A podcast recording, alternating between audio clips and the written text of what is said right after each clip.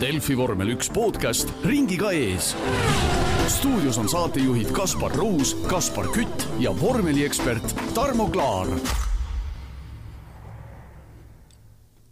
tervist, head kuulajad, käes on esmaspäeva õhtu ja eetris on järjekordne osa saatest Ringiga ees. minu nimi on Kaspar Ruus ja nagu ikka stuudios lauavastase Viaplay kommentaator Tarmo Klaar. tere! ja ise hakanud F1 fänn otse Leedust, Kaspar Kütt. tervist! No täna siis räägime peamiselt Kanada GP teemadel ja kuna eilne võistlus algas kell üheksa õhtul alles, siis otsustasime, et saate teeme täna, et, et ei pea päris südaöösel uniste silmadega rääkima. Ütleks alguseks siis nii palju, et võidu võitis ikka Max Verstappen, teise koha sai Fernando Alonso ja kolmanda Lewis Hamilton, et alustuseks niisugune mõlemale lihtne küsimus, et esimesi muljeid nii-öelda kogu nädalavahetusest?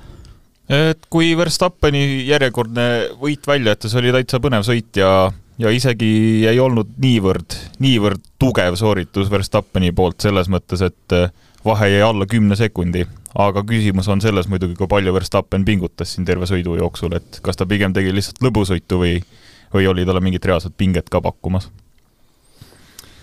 jah, tundus niimoodi, et Verstappen kogu seda olukorda kontrollis ja lihtsalt sõitis nii kiiresti kui tarvis. Või nagu öeldakse, et tuleb sõita, võidu jaoks tuleb sõita äh, nii aeglaselt kui võimalik ja nii kiiresti kui vajalik ja täpselt seda Verstappen tegi, aga mis meelde jäi äh,, kuna olid vahelduvad ilmastikuolud, siis tuli jälle selgelt see välja äh,, kuidas suudavad äh, võistkonnad siis kohaneda või mitte kohaneda. ja noh, väga positiivne sel nädalavahetusel oli Williamsi võistkond nii kvalifikatsioonis kui ka sõidu ajal. et äh, nad on olnud selged piimamehed sel hooajal ja sa pead midagi teistmoodi tegema, kui sa tahad midagi saavutada. ja nendes vahelduvates ilma, ilmastikuoludes siis äh, kvalifikatsiooni teises voorus äh, oli Alex Albon ainus, kes läks alguses rajale, kuivaval rajal äh,, kiilas rehvidega, nende kõige pehmematega. ja no valus oli kuulata Ferrari raadiosidet oma meestega, seda oli tõsiselt valus kuulata. Et äh, ka, kas te nagu noh, üldse ei adu, mis rajal toimub ja, ja kas te üldse ei jälgi või, või mis asi see, mis asi, teil on ikka noh, rahvavaenlane on teie keskel, ütleksin mina. et see oli kohutav, kohutav fopaa, kuni sinnamaani välja, et kes vaatas seda kvalifikatsiooni ja väga tihti vormeli võidu, võidusõitu ei vaata, sellel võis küll käsi rusikasse minna ja mõelda, et noh, saaks selle Saintsi kätte, siis noh, lööks ta elu mahladest tühjaks. Sainz, vaene mees, ei olnud üldse süüdi, et ta seal noh, meie silme läbi vähemalt viiel korral jäi kellelegi ette. -hmm. et äh, see on ju puhtalt selline olukord, kui võistkond peab andma endast kõik selleks, et mees oleks õigel ajal rajal ja õige, õiges kohas, et ta kiiretele ette ei jääks ja et ta ise äh, saaks õigel ajal kiiret ringi -hmm. alustada, et talle keegi ette ei jääks. ja noh, finaal oligi see ja et mitte üksi Sainz, aga seal teisedki said äh, takistamise eest karistada ja noh, Hülkenberg sai äh, veel veidrama asja eest natukene karistada kolm kohta stardirivis. aga põhimõtteliselt jah, see pikk jutt lühidalt kokku, et äh, kõige eredam äh, siis mälestus vähemalt praegu hetkeseisuga on mul tõesti Williamsi etteaste. Kvalifikatsioonist rääkides jah, et siis lisaks Sainzile veel Yuki Tsunoda ja Lance Stroll said ka seal kolmekohalisi karistusi aga jah, juhtuma hakkas seal kõige rohkem jah, Q2-s nii-öelda, et, et äh, Williamsilt, Albonilt äge tegutsemine seal ja ja mis seal oli, Sainz vist äh, karjus vist tiimil, ei vabandust, Leclerc oli vist M-kumb karjus tiimil, et need rehvid ei olnud valmis ja niimoodi, et, et seal nagu nii-öelda trall hakkas pihta korralik. jah, et noh, veel kord, seal taktikastrateegia osakonnas tuleb kaadrimuudatusi teha, seal lihtsalt nii-öelda näpu vibutamisest enam Ferraris ei aita, see on ilmselge. ja Leclerc sai ju alles Monacos, kui ma ei eksi, või Monacos oli ka selle takistamise eest ja tahaks öelda, et mingi, mingil kvalifikatsioonis oli veel hiljuti, aga mul ei tule kohe meelde. see on justkui täitsa nagu läbiv teema sel hooajal olnud Ferrari ka, et äh, mitte ainult siin nii-öelda sõitjad, teiste sõitjate takistamis, vaid üldse selline suhtlus äh, meeskonna ja sõitjate vahel on ikka täiesti untsu läinud, et äh, et jah, tõepoolest äh, oleks oodata mingeid muutusi küll. Q3-s siis äh, põhimõtteliselt äh, seal oli kolm minutit äkki sõidetud, kui Piastri, Piastri seina pani ja siis võtame selle Hülkenbergi olukorra lahti, et tuli klipp nii-öelda, et Piastri on seinas, umbes kolm, a la mõned sekundid hiljem tuli Hülkenbergi teine aeg, ja siis, aga ikkagi jäi sinna vahele kuskile see karistuse koht, mis seal juhtus täpsemalt? No seal, kui punased välja, lipud välja pandi, siis äh, sõitjatel on nii-öelda selline ajavahemik ette antud, mil noh, ringi aeg või nimetame siis kiirus, millega nad peaksid selle äh, ülejäänud äh, distantsi kuni boksini läbima.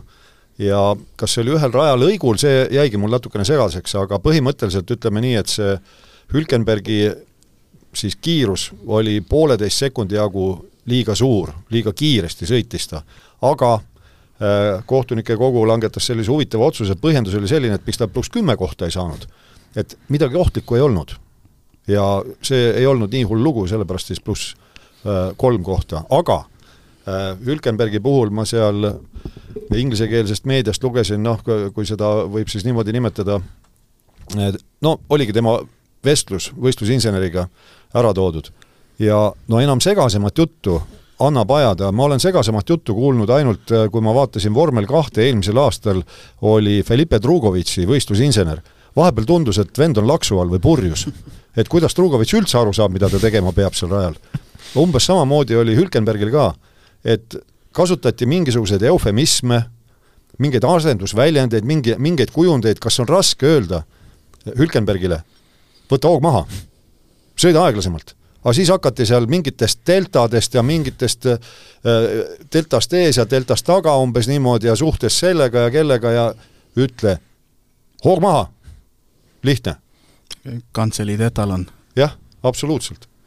mis mul endale veel äh, kvalifikatsioonist meelde jäi, äh, see, kuidas Stroll, see oli vist kuu, jah, kuu käes ta ju Q3 ei saanud, kuidas ta seal auto läks vihma käes libisema, aga rajapiirdeid värtis, seal suht enam-vähem vist millimeetrite küsimus oli, et äh, selles no. mõttes päris hea päästmine. no see oli mhm. muljetavaldav, aga seal on tihtipeale sellise äh, õnnemänguga ka, ka tegemist ja aga jah, suutis äh, seda gaasi ja pidurit niimoodi hästi valitseda, et tihtipeale ongi see, et kui auto läheb niimoodi käest ära, siis ühe, ühel hetkel, õigel hetkel tuleb see pidur vabastada, et auto ei lohise.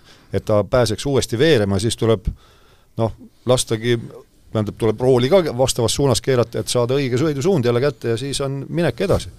et äh, Strollil see kõik väga efektselt mm. õnnestus, jah. eks see on see põhjus, miks ta ikka vormel ühes sõidab osaliselt jah, et esimene põhjus. ja, ja noh, teisipidi ütleme, kui peaks vormel ühe kohast ilma jääma, siis äh, kuskil äh, Autorodeo trupis kindlasti kohta on.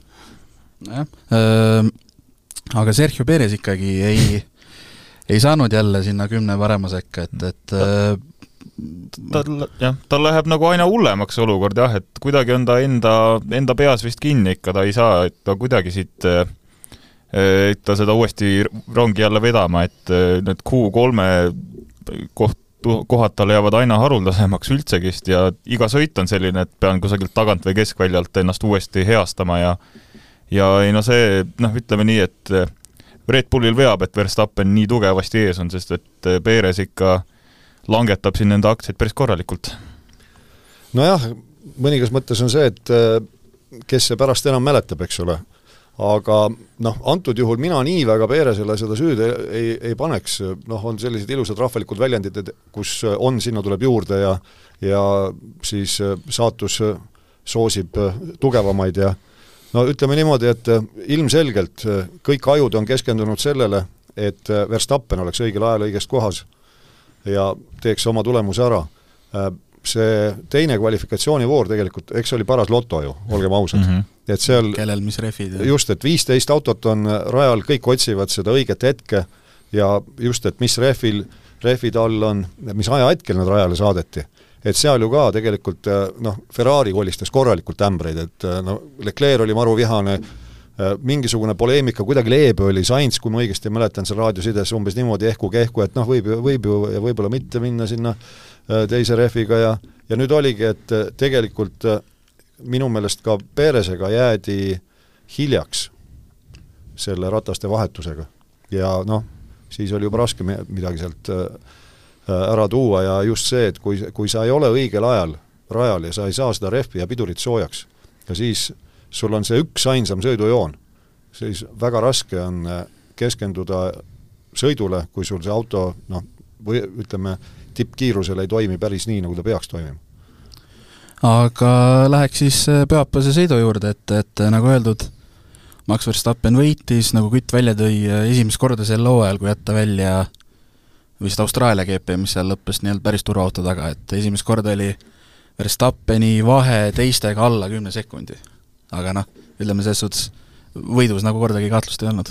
no ütleme nii, et Verstappen vist ise korraks nii-öelda riivas neid või tegi ikka päris korraliku nii-öelda väikse libisemise ka, aga see ei tundunud kuidagi teda üldse morjendavat, vaid ta justkui nagu naeris selle peale, et noh, peaaegu oleks läinud vastu seina, aga noh, ei läinud, paneme edasi ja see oli niimoodi, et viis-kuus ringi enne lõppu, et see vist põrutas tal nii-öelda pea vist korra ära või siis, kui ta üle nende ta sõitis üle äärekivi. et Verstappen, ta lihtsalt nüüd juba lihtsalt otsib midagi, mida teha, et igavust põletada siin. kusjuures see on sul äh, omaette praegu naelapea pihta pandud, sellepärast ma tean, paljud tippsõitjad on seda rääkinud, et kui on just lõpufaas võistlusel ja edumaa on piisav, siis äh, mõte läheb uitama. ja ilmselt oli see üks neist momentidest, kus mõte läks uitama ja trajektoor läks käest ära ja tegelikult ka puhas vedamine, et ta seinas ei lõpetanud mm -hmm. sel hetkel. no Verstappen on nüüdseks äh, kakssada kakskümmend neli ringi järjest juhtinud, alates ma vaatasin Miami GP kuskilt mingi neljakümne kaheksandast. et noh, selle aja peale äh, selle kahesaja kahekümne nelja ringi peale võib see vahepeal tähelepanu küll natuke hakata ära kaduma. no ja see, ütleme, edumaa, veel kord, ta sõitis täpselt äh, nii kiiresti, kui vaja oli. Et võit tuli koju tuua, tal ei ol-, ta kontrollis täielikult olu-, olukorda, sellepärast et äh, seal, kui turvaauto läks jälle rajalt ära, üsna kähku see vahe kasvas kuskile poolele mm, -hmm. kolmele poolele sekundile, siis ta püsis seal ja noh, oligi niimoodi, et kui tagant keegi hakkas tempot tõstma, tema tõstis, selline mm -hmm. edasi-tagasi kabetamine käis, aga sa pole veel küsinud, võib-olla plaanisid, aga lihtsalt veel, mis meelde tuli, noh, naljakas moment oli seal sõidu sees, kui Sainz ühel hetkel tead-, teatas, et ta on võimeline veel kiirust leidma ja noh, seda ta otsima jäigi. jah oli küll jah, see oligi siis äh, umbes äh, no Ferrari andis kohe mõista ka, et siin ei hakka mingeid nagu korraldusi andma ja no see oleks lausjabur olnud, äh, lasta neil omavahel võidu sõita mm, -hmm. kui oli selge, et Leclerc on võimeline ka kiiremini sõitma, tal mingisuguseid probleeme seekord autoga ei olnud ja ta oleks võinud noh, teoreetiliselt poodiumile jõuda. aga noh, nii palju, kui ma selle otseülekande ajal jõudsin jälgida neid ringiaegu, siis no ütleme niimoodi, et äh, kahe nädala pärast on olukord, ma loodan, lootust anda, sellepärast et noh, see Austria rada on üsna kiire ja selline voolav. et need aerodünaamilised lahendused nüüd, mis on äh, kasutusele võetud äh, no sisuliselt kõigi võistkondade poolt, tõotavad mitmel rindel sellist tihedat võidusõita ja just ma pean silmas eelkõige Verstappeni selja taga et seal ütleme, Mercedes, Aston Martin, Ferrari, nad tundusid üsna ühes tempos olevat. seda enam, et äh, seal ei olnud sellist kassihiire mängu, sellepärast et äh, Hamilton avaldas korralikku survet äh, Alonsole ja Alonso oli sunnitud ka kiirustama. no mina enda jaoks mõtestasingi selle tänavuse hooaja nüüd lahti niimoodi, et ütleme, jätame Verstappeni eemale, siis seal alates teisest käib nagu päris äge heitlus ja eile oli ka. ja, ja mulle noh, Kütt teab kuulajatele ka infoks, mina ei ole olnud kunagi ei Fernando Alonso ega Lewis Hamiltoni austaja suur, aga tere tulemast klubisse! Aga selle hooaega ja nüüd niisuguste ägedate omavaheliste nii-öelda vanameistrite heitlusega hakkab nagu täitsa sümpatiseerima see ja, ja et see, kuidas vahepeal Hamilton tõstis tempot, mis seal oli, paari ringiga vähenes vist kaks-kolm sekundit seal lõpupoole ja siis äh, Alonso ütles vastu, et äh, jätke minu oleks ja siis oli jälle vahe tagasi, et no see oligi täpselt niisugune vanameistrite heitlus, et mõlemad on noh, põhimõtteliselt ühed läbi aegade parimad vormelisõitjad ja mõlemad teadsid täpselt, mida tuleb teha, et millal tõsta tempot, millal jälle natuke säästa rehve, kuidas kaitsta, kuidas rünnata, et see oligi lihtsalt noh, põhimõtteliselt kaks geeniust tegemas seda, mida nad kõige paremini teevad. no ja seal oli see nüanss ka veel, et hea näide sellest, kui seda raadiosidet meile lasti, kuivõrd palju ikkagi konkurente jälgitakse, noh, rajal loomulikult ringiaegu ja siis ka nende raadiosidet, otse loomulikult, sellepärast ega see raadioside on avalik, seda sa saad seal võistluse ajal äh, kuulata vabalt, noh, ka, ka need siis, kellel on see ametlikult koduleheküljelt ligipääs ostetud, saate pilti näha ja, ja häält kuulata ja nii edasi. ja takkajärgi siis äh, Aston Martin mehe, Martini mehed naersid, et Nad ju ei öelnud raadio teel, mis probleem on Alonsol, Alonsol kästi kasutada seda kestvussõitude trikki lift and coasting. lift and coast, jah.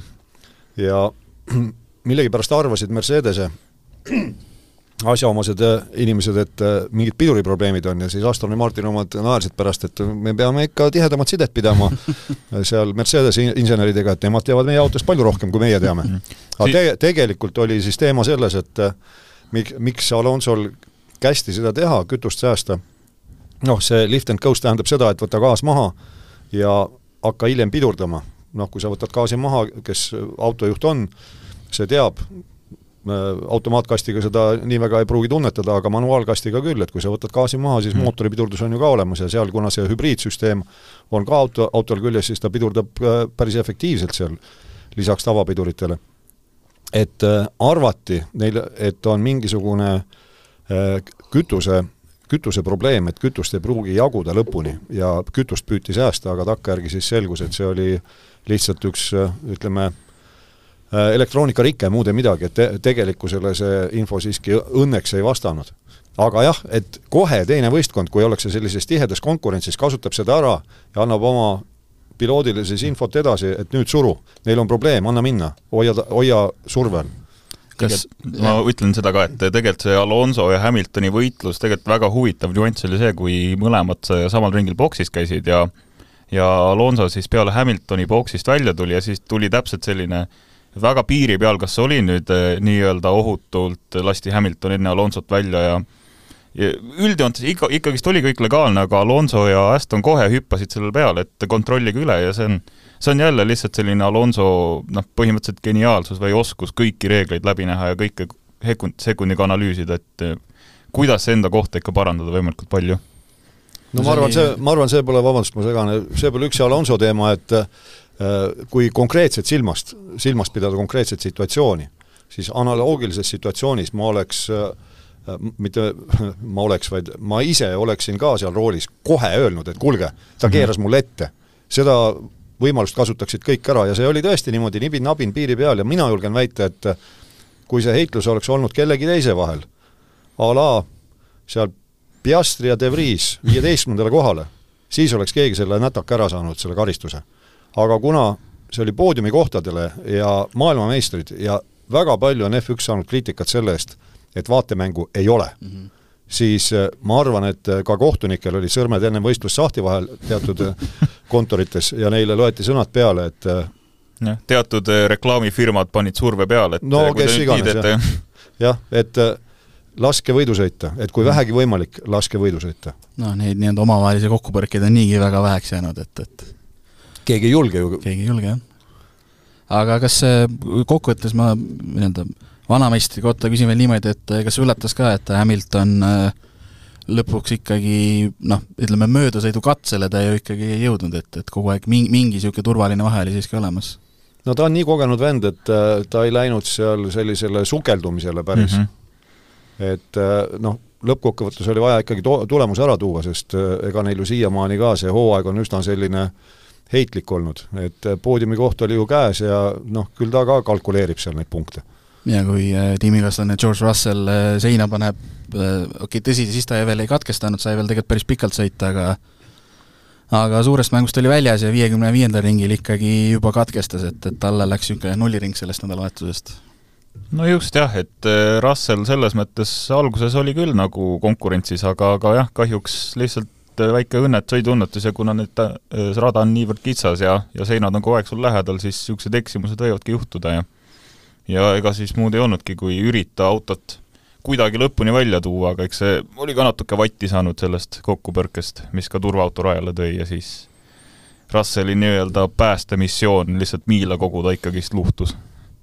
no see turvaauto olukord eh, oli nii mõnegi mehe sõidus päris märgiline, Nico Hülkenberg käis mis ta käis, ring, ring kaks varem käis boksis, ring ennem, jah. ring enne käis boksis, tuli see Mats, tuli turvaauto, kõik teised said äh, tasuta boksi peatuse, tema oli hoopi a la seitsmendat kohalt viieteistkümnes, niimoodi, et kõik teised ees olid ka boksis juba ära käinud. no just, et äh, kui turvaauto tuleb rajale või siis virtuaalne turvaauto on, äh, siis see boksis käik on ju noh, palju, palju kasulikum selles mõttes, et teised rajal tiirutavad ju oluliselt aeglasemalt. et sul on seda armuaega palju rohkem ja kes seal äh, noh, tagantjärgi nüüd hea taktikaga võib vist öelda silmapaistis Ferrari, et äh, kumbki mees äh, boksis ei käinud, siis pidasid oma keskmiste rehvidega väga hästi vastu, suutsid ka positsioone hoida ja sotsiaalmeedia oli pärast niisugust suuri üllatusi täis, et et, et Ferrari ja. tegi midagi targasti. kuidas see, kuidas see võimalik on, et Ferrari ühe korraga hea strateegia tegi, jah, midagi teistmoodi? No võib-olla seekord nad ei lugenud ajalehti või sotsiaalmeediat ennem võistlust, et närvid olid korras kõigil, aga tõesti, see, see oli positiivne üllatus jah, just arvestades seda laupäevast fopaad.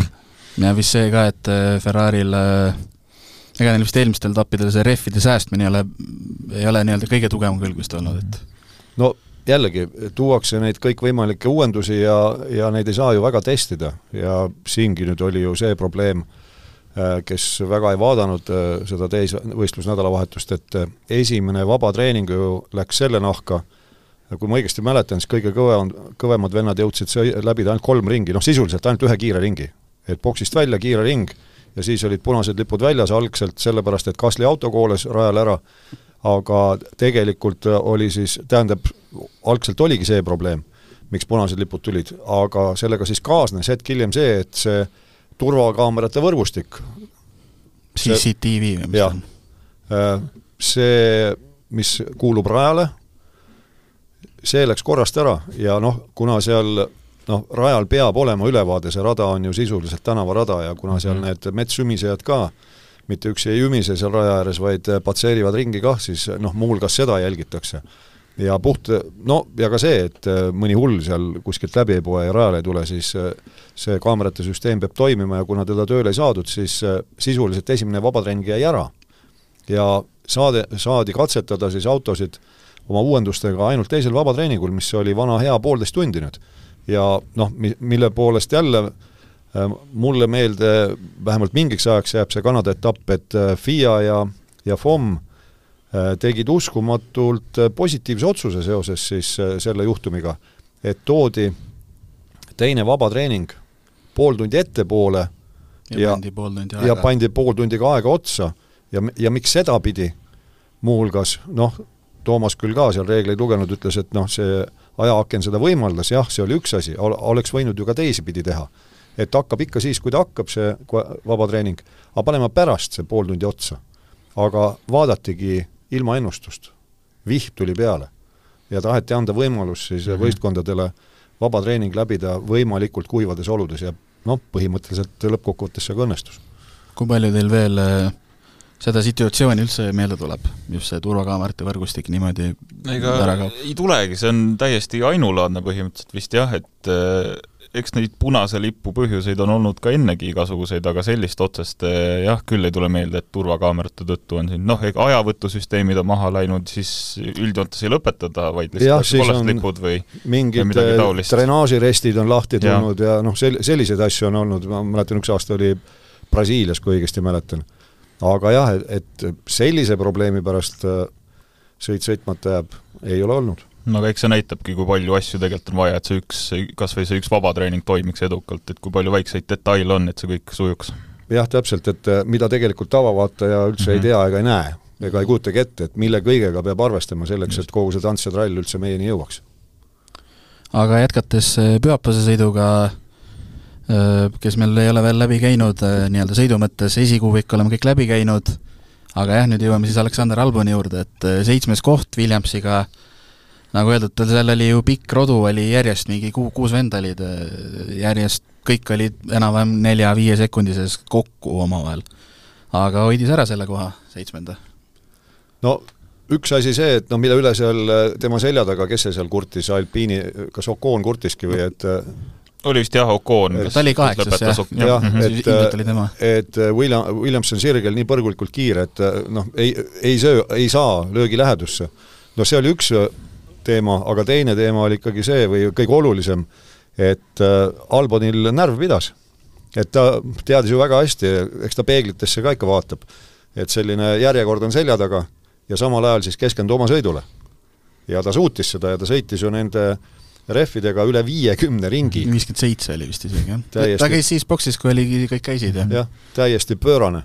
See ja... ei ole, jah, see ei ole isegi esimene kord, kui Albon on nii-öelda rehvidega imesid teinud, et ta on täiesti, täiesti võimsa nii-öelda noh, kas öelda nüüd karjääri ta-, taas alustanud, aga täitsa nagu võimsa nii-öelda uue tuule leidnud Williamsis on, on, et äh, mul just selle sinu jutuga seoses tuli meelde, et äh, hiljuti siin kas see oligi vahetult ennem see, selle hooaja algust, ühes intervjuus Albon ütles, kui paluti tal meenutada neid Red Bulli päevi. Ja ütleme niimoodi, et ei midagi uut, ta ei ole esimene, kes Red Bulli farmis seda ütleb, et ta oli liiga noor mm, -hmm. kui ta sai Red Bulli sanga, sellepärast ta lihtsalt vaimselt ei olnud küps vastu pidama sellisele vaimsele survele, noh, me võime arvata küll, et ah, mis see siis on, et istud rooli seal, mõnusalt keerad seda ja Verstappeni saab, jah. Mhm. jah, Verstappeni saab, mis sul viga on. aga inimesed ongi erinevad ja, ja nüüd noh, tänu sellele, et ta sealt äh, vahepeal välja löödi, nüüd ta ka, ma, nüüd päris täpselt ei saagi aru, kas ta nüüd on jätkuvalt laenu peal või, või, või mis see on, igatahes suhted tal peaksid olema suhteliselt soojad jätkuvalt äh, Red Bulliga. aga ongi sul õigus, et äh, täiesti uus tulemine et äh, mees on sa-, noh, nagu sellise hingelise tasakaalu saavutanud ja et ta kiire on, see on kõigile teada olnud. nojah, sest et äh, ega seal jah, kui, kui ta Red Bulli ajal oli, siis nad ju Pierre Gasly'ga neid seal tõsteti edasi-tagasi ja aga noh, Williams siis kõrval on äh, Lawson Sersant äh,, noh, kes ei ole veel kordagi punktidele jõudnud, tal ei ole ka seda nagu survet peal, et ta nüüd tiimikaaslasele kogu aeg nagu alla jääb või midagi, et on niisuguses turvalis-, või noh, kuidas ma ütlen, niisuguses rahulikumas võib-olla keskkonnaski nagu igatepidi. no see on äh, üks teema ja teine teema, noh, mis ma nüüd väga loota tahan, ega ma siin selle Logan Sargenti mingi hull fänn ei ole, aga noh, ameeriklast on selgelt vaja ju sinna sarja. ja lõppkokkuvõttes see konsortsium või mis see selle Williamsi omanik nüüd, nüüd siis on, tal ju kedagi ainuomanikku ei ole, see on suures osas ju ameeriklastest koosnev, nii et küll nad püüavad Sargentit seal hoida ja mis veel, et ega Sargent ju noh, üldiselt siiamaani mingisuguseid äh, lollusi mm -hmm. ei ole mhm. korraldanud rajal ta on selles mõttes jah, et ta on stabiilselt olnud küll, et üldjoontes, kui midagi on nagu valesti läinud, see on pigem olnud autoga probleem, et äh, ta iseenesest on noh, hoiab auto rajal ja ei ole ka selles mõttes nagu kõige aeglasem, et et äh, on selles mõttes päris okeilt seal oma karjääri alustanud eile oli ka, seal oli õlileke, et, et noh, selles mõttes tehniline probleem jälle. jah, puhtalt tehniline rike. Räägiks McLarenist natuke, alustasid seitsmendalt, kaheksandalt kohalt siis äh, Lando Norris ja Oscar Piastri, lõpuks jäid mõlemad napilt esikümnest välja, eriti napilt jäi Norris, kes ju tegelikult ületas finišijoone üheksandana või kaheksandana, ma ei mäleta, kas ta sai Oconist seal lõpus mööda või, või ei saanud. ei saanud, aga niisugune huvitav asi, et sai viis sekundit ajakaristust ja pikalt oli teada, et ebasportliku käitumise eest. see oli üks huvitav asi jah, ja takkajärgi siis, mis talle süüks pandi, et äh, siis, kui see oligi see, kui turvaauto kutsuti rajale, et äh, siis äh, äh, olles teadlik, et McLaren tahab mõlemad sõitjad mhm. järjest boksi võtta, siis ta meelega võttis hoo maha selle turvaauto Äh, rajal oleku ajal ja sellega takistas teisi võistlejaid ja, ja siis leiti punkt ka äh, võistlusmäärustikust, mis äh, noh, keelab te-, võistlustulemusi mõjutada no põhimõtteliselt jah, võistlustulemusi mõjutada ebasportlikult. aga vot siin on minu jaoks nüüd džinn pudelist välja lastud, et ma, olen ikkagi Piastri poole, või vabandust, siis Norrise poole peal praegu, et mida ta valesti tegi, nii palju, kui ma sealt kordusest, sellest pardakaamerast ka nägin, siis noh, see tundub õige olevat, mis ta räägib, et äh, tegelikult võistkond suhteliselt hilja ütles talle, et tuleb oksi, et see ei olnud niimoodi, et ta teadis kohe, et neid võetakse Piastriga äh, koos sisse, sellepärast et ta soojendus ju rehve seal tagasirgel. kui sa tead, et sa tuled boksi, mille kuradi pärast sa seal la-, sõidad neid S-kurve yeah,, yeah. Sa ei tee seda mitte iialgi. siis on eesmärk tulla boksi ja noh, ootad siis järjekorras, seda on teised teinud varem mm, -hmm. seda tehakse ka edaspidi ja kui turvaauto on rajal, siis seda nõndanimetatud pumpamist oleme ju küll, näinud küll ja veel, jah, esimene auto, kes on turva taga, turvaauto taga, tema peab hoidma kuni kümneautolist vahet, kui õigesti mäletan, kauge, pikem, pikem see vahe ei tohi mhm. olla. on kümme küll, sest et äh, kunagi väga, mitte väga kaugele, kui Vettel veel domineeris oma Red Bulli aegadel, siis oligi üks konkreetne juhtum, kus ta tegi selle vahe liiga suureks esimeselt kohalt ja sai penalti ja langes siis vist kolmandaks lõpuks, et äkki kaks tuhat üksteist Ungari, mis millalgi siis äh, ja niimoodi läkski kindel esikoht kaduma jah, et on ajaloost võtta ka näiteid. jah, aga, aga ütleme seal esimese taga sellist äh, vahe joo jootamist, seda on olnud küll ja veel, et äh, veel kord, siin ma olen Norrisega sama meelt, et äh, siis peaks terve selle brigaadi seal ära karistama nii-öelda. artikli punkt siis kaksteist punkt, kaks punkt üks siis. Oli siin F1 kodulehel välja toodud, jah. Aga noh, jah, see viis sekundit läks, läks selle punkti kohe lõpuks maksma, aga vähemalt oli äge, äge heitus seal esikümne lõpus ja ma tahaks kiita veel kodupubliku sõitjat Lance Trolli, kes tegi, kui ma ei eksi, vist kõige suurema tõusu võrreldes stardikohaga, kuueteistkümnendalt siis üheksandaks. ja sai veel seal sõna otseses mõttes viimastel meetritel Valteri Potasest mm -hmm. mööda. jah, seal see vahepeal olid nad neljakesi koos, siis jah, viiendaks tuli, tuli ligi siis äh, Stroll, aga noh, ütleme, seal oligi see küsimus nüüd, et kuna Botas oli ainsana selle keskmise kõvadusega rehviga ja nad olid kõik päris, päris kaua mm -hmm. väljas, ena-, enam-vähem kogu see punt oli minu meelest ühel ajal boksis ka käinud, siis äh, tegelikult äh, Stro-, jah, valetan, kolm tükki seal keskel olid äh, ühel ajal käinud äh,, kõige varem oli käinud Albon ja siis oli tema järel kõige vanemate rehvidega oli just nimelt Stroll. aga Botasel oli see kollase sõõriga rehv keskmise kõvadusega, teistel olid need kõige kõvemad all ja nüüd oligi küsimus, et kauaks neid rehve jätkub. Ja noh, Botase sõnade läbi see viimane ring siis oligi see kirstunael, kus pidamine hakkas ära kaduma. et sealt viimasest kurvist meistrite müüri juurest välja tulles ei olnud sellist kiirendust. jaa, aga jah, Botas sai ise pärast hooaja avaetappi teist korda nüüd kümnenda kohaga, et, et vahepeal oli nii-öelda pikk punktipaus, tema tiimikaaslane Gonzo Show äh, kuueteistkümnes koht kokkuvõttes. kuidas see no. Jääb, jäi midagi tema sõidust silma, midagi. Selles mõttes Bottasele au ja kiitus, et tõi vähemalt mingid punktid endale üle pika aja, ja oli ka üks sõit, kus teda ei kimbutanud mingisugused tehnilised probleemid või väiksed niisugused mured, et sai rahus oma sõitu teha ja tulemuseks oli punkt, et et, et pole midagi ette heita. Bottasele, show ka otseselt millegagi silma ei paistnud, aga lihtsalt ei jagunud kiirust, et et punktidele heidelda ega ka Bottasele vastu hakata. Aga kaks eh, viimast tiimi, Haas ja Alfa Tauri, et eh, nagu siin kvalifikatsioonis sai räägitud ja Hülkenbergis sai ka juba räägitud, aga Kevin Magnussen ja siis Alfa Tauri poolt eh, Nick De Vries, et seal pakkusid lõpupoole seal niisuguseid kummalisi niisuguseid heitlusi omavahel, et korraks põrkasid kokku, siis kes, ma ei mäleta, kes sealt tagant tuli, kes sealt mööda sai neist. Äh.. oli see Albon, ei, ei, Albon oli vist eespool, ei, Allan, Albon oli eespool, jah, muidugi. Mm. -hmm mul on ka praegu mälulünk, kes sealt tuli, aga igal juhul keegi sai lihtsalt. aga noh, mis seal ikka veidrat mm -hmm. oli, et seal äh, võitlus positsiooni pärast no,. selles mõttes ju tore, et ikkagi võideldi, aga noh, hästi oli näha, et see oli selline rajalõik, äh, mis oli siis ennem kolmandat kurvi, kus äh, ilmselgelt väga möödumisi ei tehtud, sellepärast et kui sealt noh, ideaaltrajektoori kõrvalt, järgmine kurv, see kolmas kurv oli paremal, eks ole, paremal tee, paremal tee poolel sõites, see oli meeletu tolmupilv, mis sealt De Vriesi auto alt tõusis ja pärast takkajärgi ta tunnistas ise ka, et küllap me mõlemad Magnusseniga magasime pidurduspunkti maha, aga noh, adrenaliin oli laes ja ja tegelikult vaatemängu jäi palju, õnneks kumbki ei lõhkunud autot mm -hmm. ära. Nad seal ühes kurvis jah, paaris rakendina nii-öelda sõitsid välja sealt ja mm -hmm selles mõttes jah, lihtsalt äge lahing ja tore, et äh, ka viimaste kohtadest niivõrd, niivõrd intensiivselt heideldakse.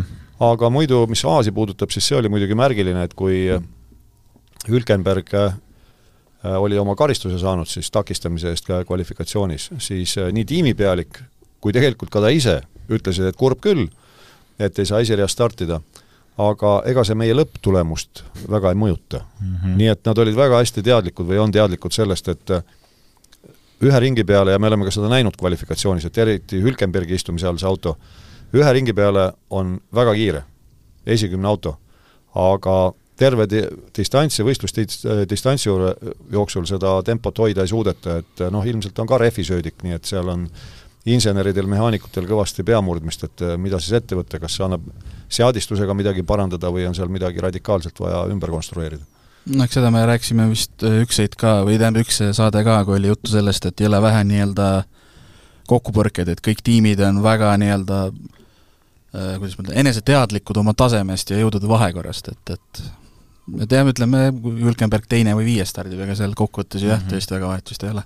no ja samas on see ka, et see teadlikkus ilmneb eriti tavaradadel, et äh, ütleme, sellisel rajal, nii nagu Montreal, noh, seal näevad kõik omal võimalust ikkagi et just see, et äh, mis siin noh, meil on siin Johnson Johnson vastamisi, eks ole, Kaspar Kaspar, et et, et nagu Kütt ütles, et noh, betoon on seal ju ligidal, et seda eksimust karistatakse räigelt ja mm -hmm. selle peale lähevad siis need aeglasemad ka välja et noh, venitavadki seda autot laiaks, mõne jaoks väga totakas väljend, aga, aga seda kasutatakse võidusõidus. ja püütaksegi oma kohta hoida ka ütleme, Red Bulli vastu, mida näiteks Barcelonas sa ei näe. Strada on lai nagu lennuväli, turvaalad on seal suure, suured laiad, et noh, äh, sul ei ole mõtet üldse ponnistada seal, aga sellisel rajal nagu Montreal on, ka Red Bull võib ennast puruks sõita mm -hmm. betooni. ja seetõttu ka see suhtumine on teine sellel positsiooni hoidmisel ma Alfa Tauri kohta mainiks veel nii palju, et, et äh, meeskondade seas langenud viimaseks kaks punkti, mõlemad on toonud Sonoda, De Endiselt punktikohast kaugel, et, et paar aastat tagasi oli veel ju väga, väga kõva keskmiktiim, et praegu on niisugune hooaeg.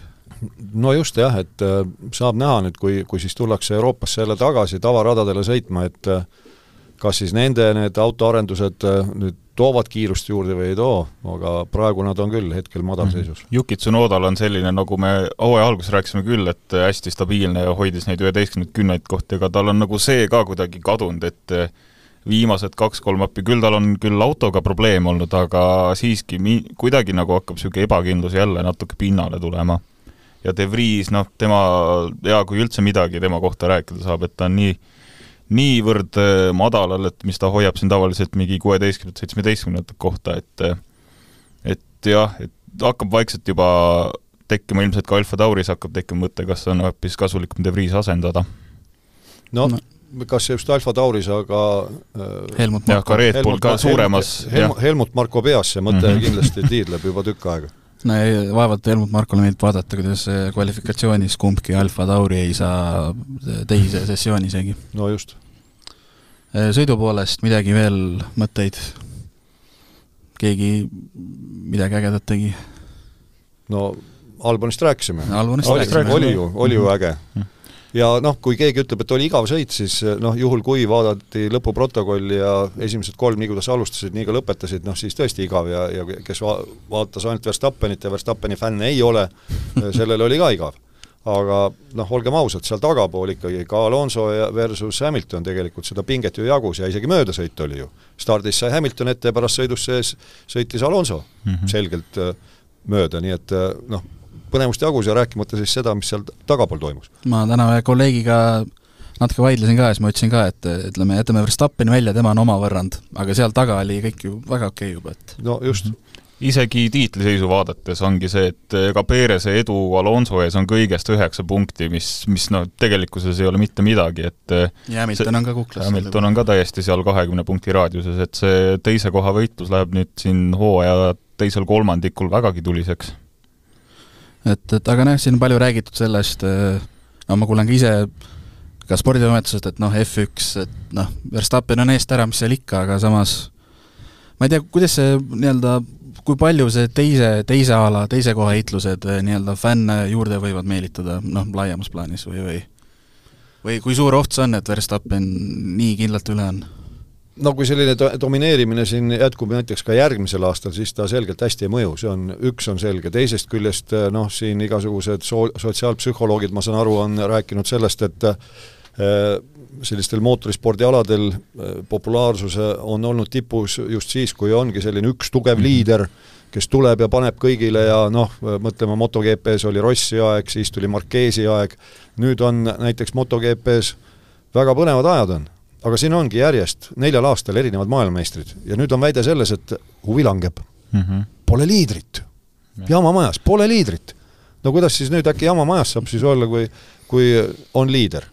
aga ei no tegelikult loomulikult, kui äh, noh, see oli selline poolnali ja, ja, ja, ja pooltõsi, aga aga üks on selge, et äh, loomulikult kõik jälgivad seda tiitliheitlust noh, seal tahetakse näha kahevõitlust, et kui mõelda selle peale, kas see oli siis kaheksakümmend kaheksa meil jah, tuhat üheksasada kaheksakümmend kaheksa, kui McLarenis sõitsid eh, Senna ja Prost ja ja nemad kahekesi ju olid pikalt teistel ära, eest ära sisuliselt ringiga, võib öelda. ja võtsid eh, viisteist etapi võitu kuueteistkümnest ja see kuueteistkümnes jäi ainult sellepärast tulemata, et eh, Senna oli natukene lohakas ringist mahajääjast mööda sõidul. aga muidu ju nemad kahekesi ju ainult võitlesidki. kellelgi, kellelegi teisele tähelepanu suurt ei pööratud ja oli põnev, meenutatakse siiamaani legendaarne hooaeg ja legendaarne periood. et äh, ja sama ma ütleksin niimoodi, et kui see äh, Schumacheri periood lõppes ja, ja algas äh, nii-öelda Red Bulli periood, siis nii mõnigi tuttav mulle ütles ka, et ei no aga mis siin nüüd pole ju midagi vaadata, et Vettel aga võidab ja Vettel aga võidab, ma ütlesin oot-oot-oot, võistlusi oled vaadanud või? ta ei ole pikalt eest ära. No tegelikult ei ole jah, et pärast seda, kui äkkiline Schumacherit pole, ma pole enam vaadanud. no vot siis on jälle see, et see on nii, nagu kunagi Tallinna TV-ga oli. mitte keegi ei vaadanud, kui sa inimestega rääkisid, aga kõik täpselt teadsid, mida seal näidati. et äh, te-, tegelikult noh, küllap vaadatakse, aga eks seda pettumust on muidugi, kui seal eesotsas noh, need vahed nii suured on, seda, seda ei taha mitte keegi. ja tegelikult, kui mõelda, siis äh, ilmselt vormel üks ajaloo nii-öelda populaarsuse kõige suurem tõus toimuski siis, kui Schumacher domineeris ja Ferrari domineeris, et äh, see oli täpselt see kahe tuhandete esimene pool, kui tegelikult vormel üks alles jõudiski igal, no põhimõtteliselt igale poole et eh, noh, tol ajal kõik teadsid vormelit kui noh, Ferrari punane ja Schumacheri punane ja tegelikult see tõi fänne küll väga palju juurde. no ja seal tol ajal oli ju noh, mitte üksi see, et eh, Schumacher nii palju võitles, aga seal olid isiksused, seal oli intriige oli, oli palju. Noh, kõik need eh, verbaalsed kokkupõrked ja, ja rajal kokkupõrked ja noh, mi-, mis iganes. et samamoodi Senna Prosti ajal, noh, Senna ju omal ajal sõnas mõttes andis vaht-, vastu vahtimist äh, öövainile, kui see julges ringi tagasi temalt võtta Suzukas, eks ole. Äh, noh, pärast boksis muidugi, mitte sõidu ajal ta ei läinud boksima seal.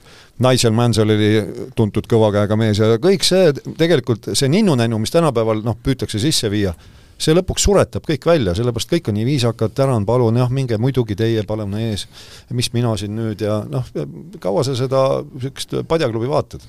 noh, Fernando Alonso on äh, ka nüüd ju maailma nii-öelda parimaks tiimikaaslaseks saanud ja no, see, Hamiltoni ajal ju päris nii ei olnud, kui nad koos olid.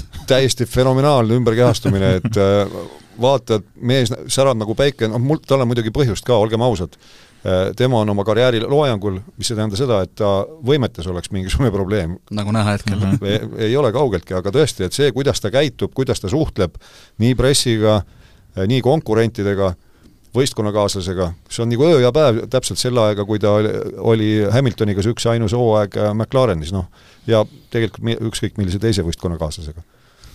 Äh, Kanadast veel mõtteid või äh, hakkame vaikselt otsa tõmbama? no me jõuame siin vormel üks mõtteid oksendamiseni jagada juulikuus, nii et tuletan tea-, meie kuulajatele meelde, et juulikuu on täiesti pöörane, aga siis tuleb ka kuu aega pausi pärast seda, nimelt juulikuus on viis nädalavahetust ja neli etappi sõidetakse nii et jah, anname, anname täna äkki natuke pausi ja tormihoiatuse. Ühe, ühe asja veel enne, enne kui saate lõppemist kuulutame, et meil on tulnud esimene kuulaja küsimus. ohoh! Ja meil tuleb... on vähemalt üks kuulaja, tore on... olen kuulnud, et on isegi vähemalt kaks, aga ei, igastahes jah, tuletan meelde, et ringiga ees at delfi.ee on siis see link, kuhu saate joonistada, kirjutada äh, mõtteid saata, küsimusi saata ja esimene küsimus siis äh, Margus küsib, et äh, tahaks teada, kuhu on kadunud lillasõõriga rehvid. ehk siis ultrapehmed. no otsustati niimoodi, et äh, noh, tegelikult on ju viie kõvadusastmega rehvid kasutusel hooaega läbivalt. ja otsustati siis ühel hetkel, et televaatajat mitte segadusse ajada, et igal etapil oleks selgelt arusaadav, milline on see pehme milline on keskmise kõvadusega selle etapi jaoks ja milline on kõva.